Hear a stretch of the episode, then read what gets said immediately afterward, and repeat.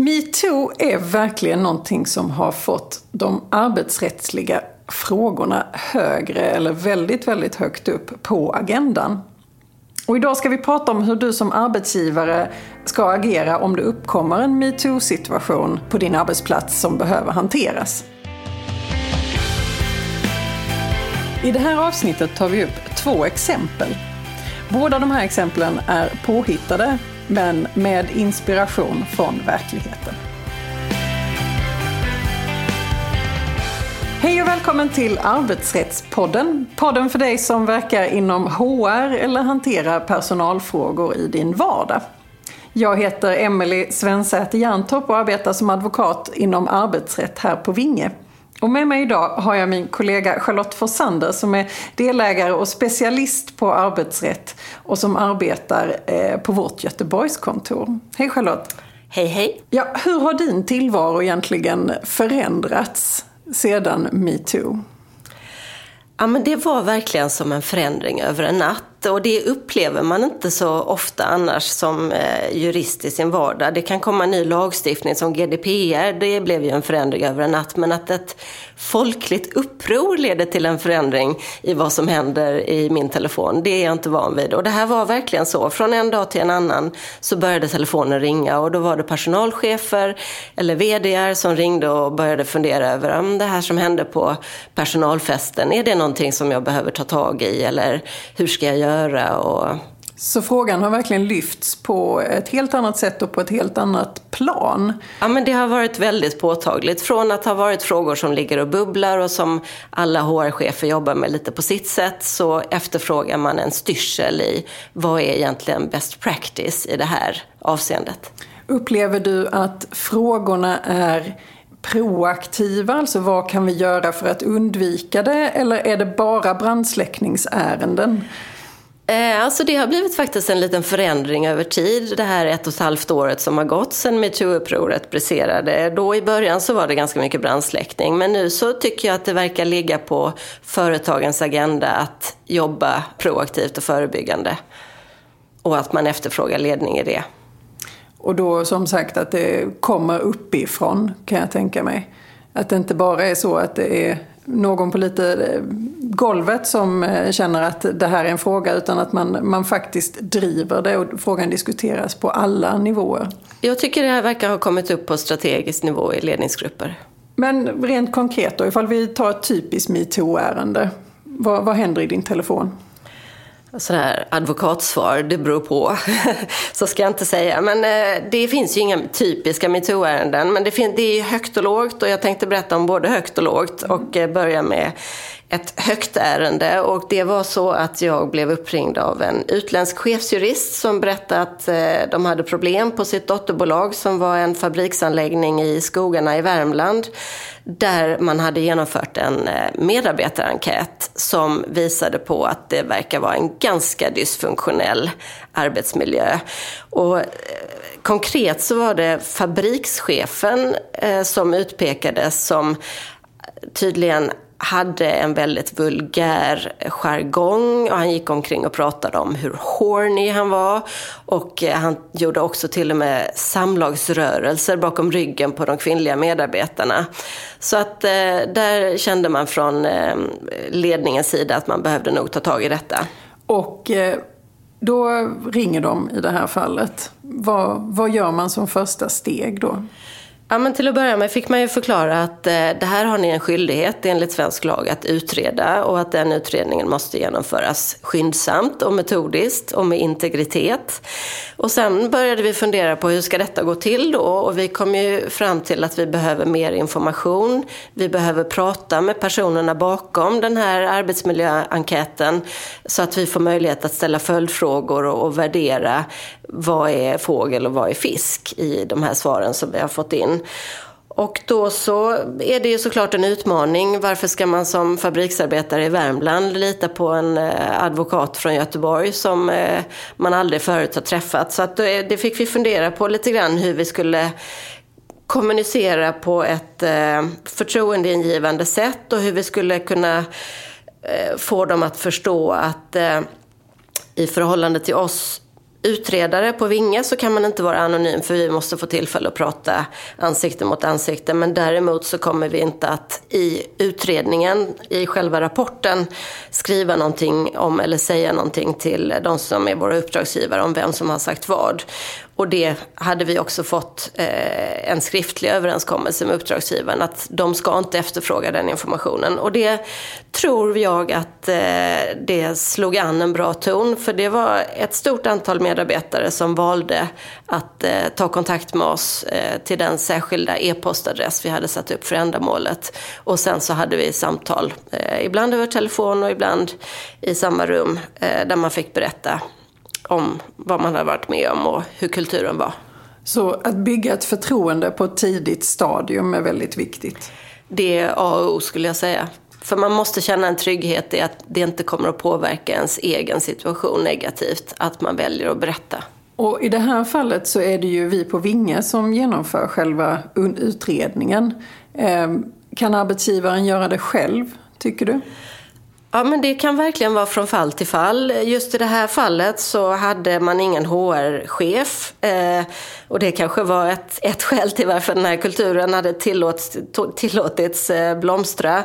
Men även om man hade haft det så hade det ju inte funkat riktigt att HR-chefen skulle utreda sin egen chef. Så att där tycker jag att gränsen går. Men handlar det om medarbetare som man inte rapporterar till så menar jag att HR mycket väl, eller, eller till och med eh, någon annan i ledningen mycket väl kan ta ansvaret för utredningen. Men man ska i alla fall överväga att ta extern hjälp? Man kan ju alltid ringa och bolla och sen så kan man komma fram till vad som funkar och blir bäst. Och förtroendet får man eh, särskilt då genom den här anonymiteten. För det är viktigt såklart att man får ett, ett brett underlag. Och folk kommer ju inte att prata med en ifall man inte har byggt ett förtroende. Men ska det vara obligatoriskt att svara på frågor i en sån här utredning?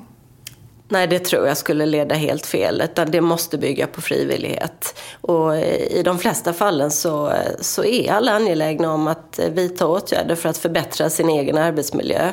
Så att jag har aldrig varit med om att det har varit ett problem eh, faktiskt att, att få det underlag man behöver.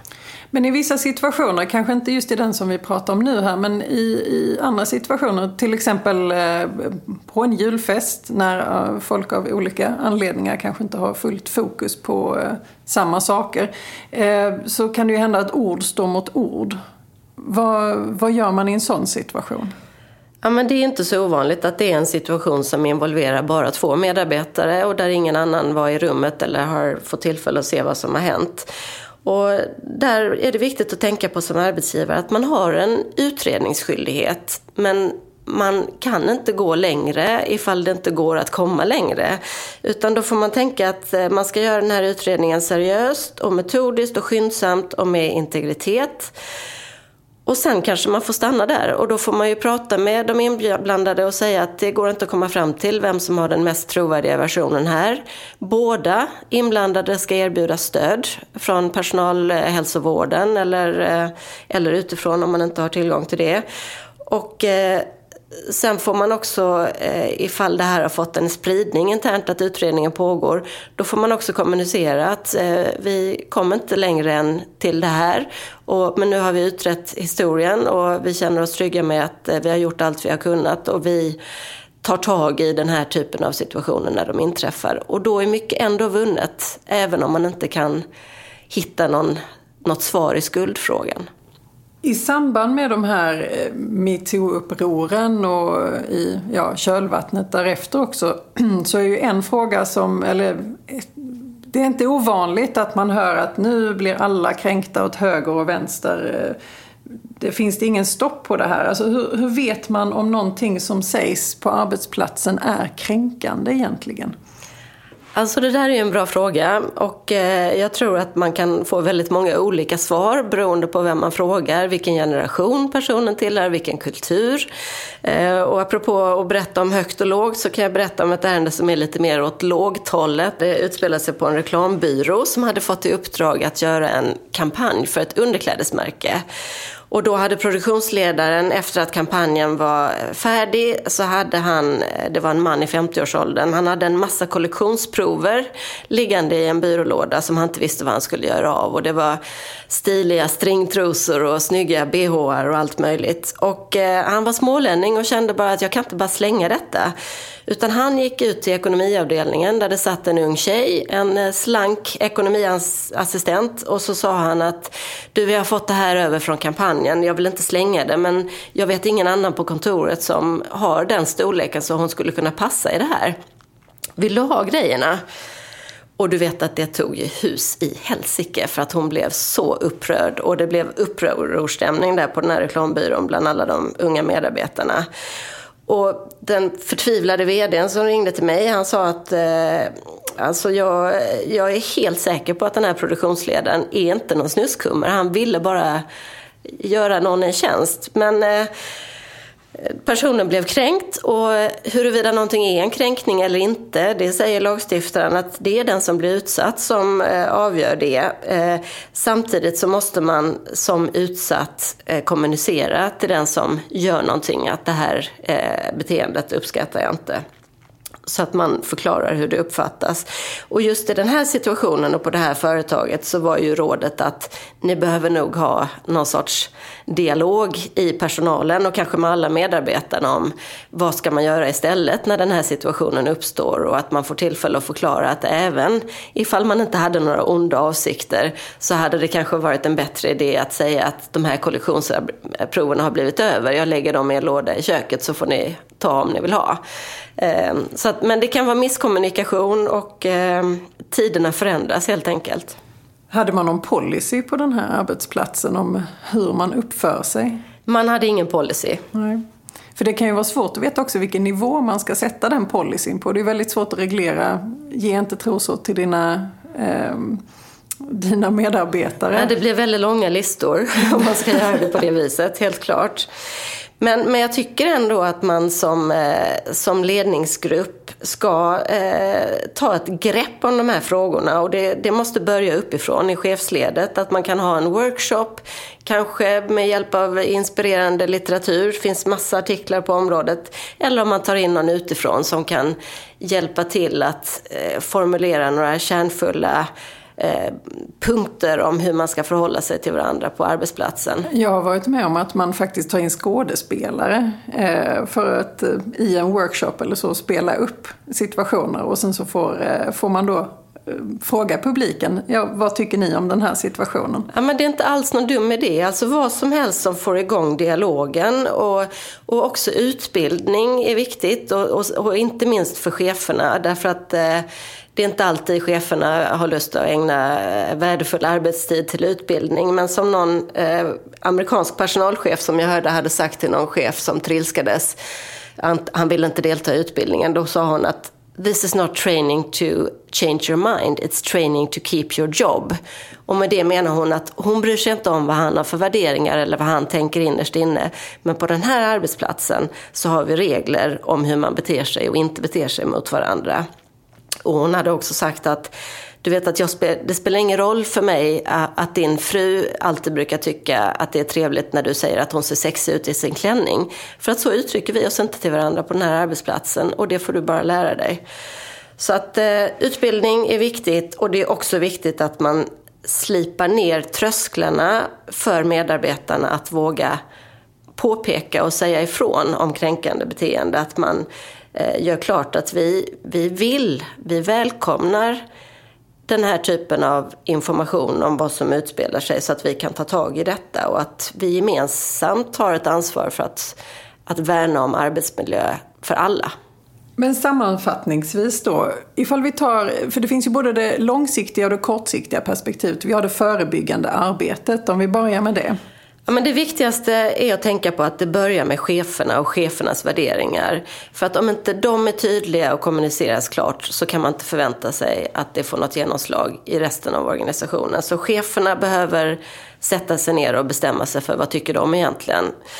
Och sen är det viktigt med dialog och samverkan med medarbetarna. Det här eh, skådespelarupplägget tycker jag var jättebra. Att man får upp de här frågorna på dagordningen så att man kan prata om det och förstå var lägger vi gränserna på det här företaget och hur kan man eh, arbeta med arbetsmiljön så att alla trivs och ingen känner sig kränkt.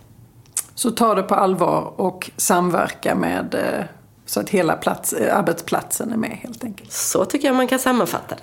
Men om vi då tar in den, den här mer brandsläckningssituationen som vi har. Eh, om du som HR-person får på ditt bord nu att eh, Britta kommer inspringande och säger att eh, nu har han slängt trosor på mig. Eh, vad ska man göra? Vad, vad är det första man ska tänka på? Håll huvudet kallt och hjärtat varmt. Nej, men eh, det var lite för kärnfullt kanske. Nej, men eh, man får inte, eh, vad ska man säga, dras med i den här utsatta personens upprördhet. Utan man måste ändå ta ett steg bakåt och fundera, vänta nu, vad är det som har hänt?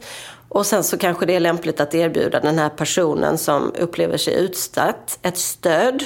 Så att man i lugn och ro kan gå och prata med andra personer som berörs och göra klart att man, man har en skyldighet att utreda detta och att eh, man förstår att, att det kan vara påfrestande för folk medan man har den här utredningen hängande över sig.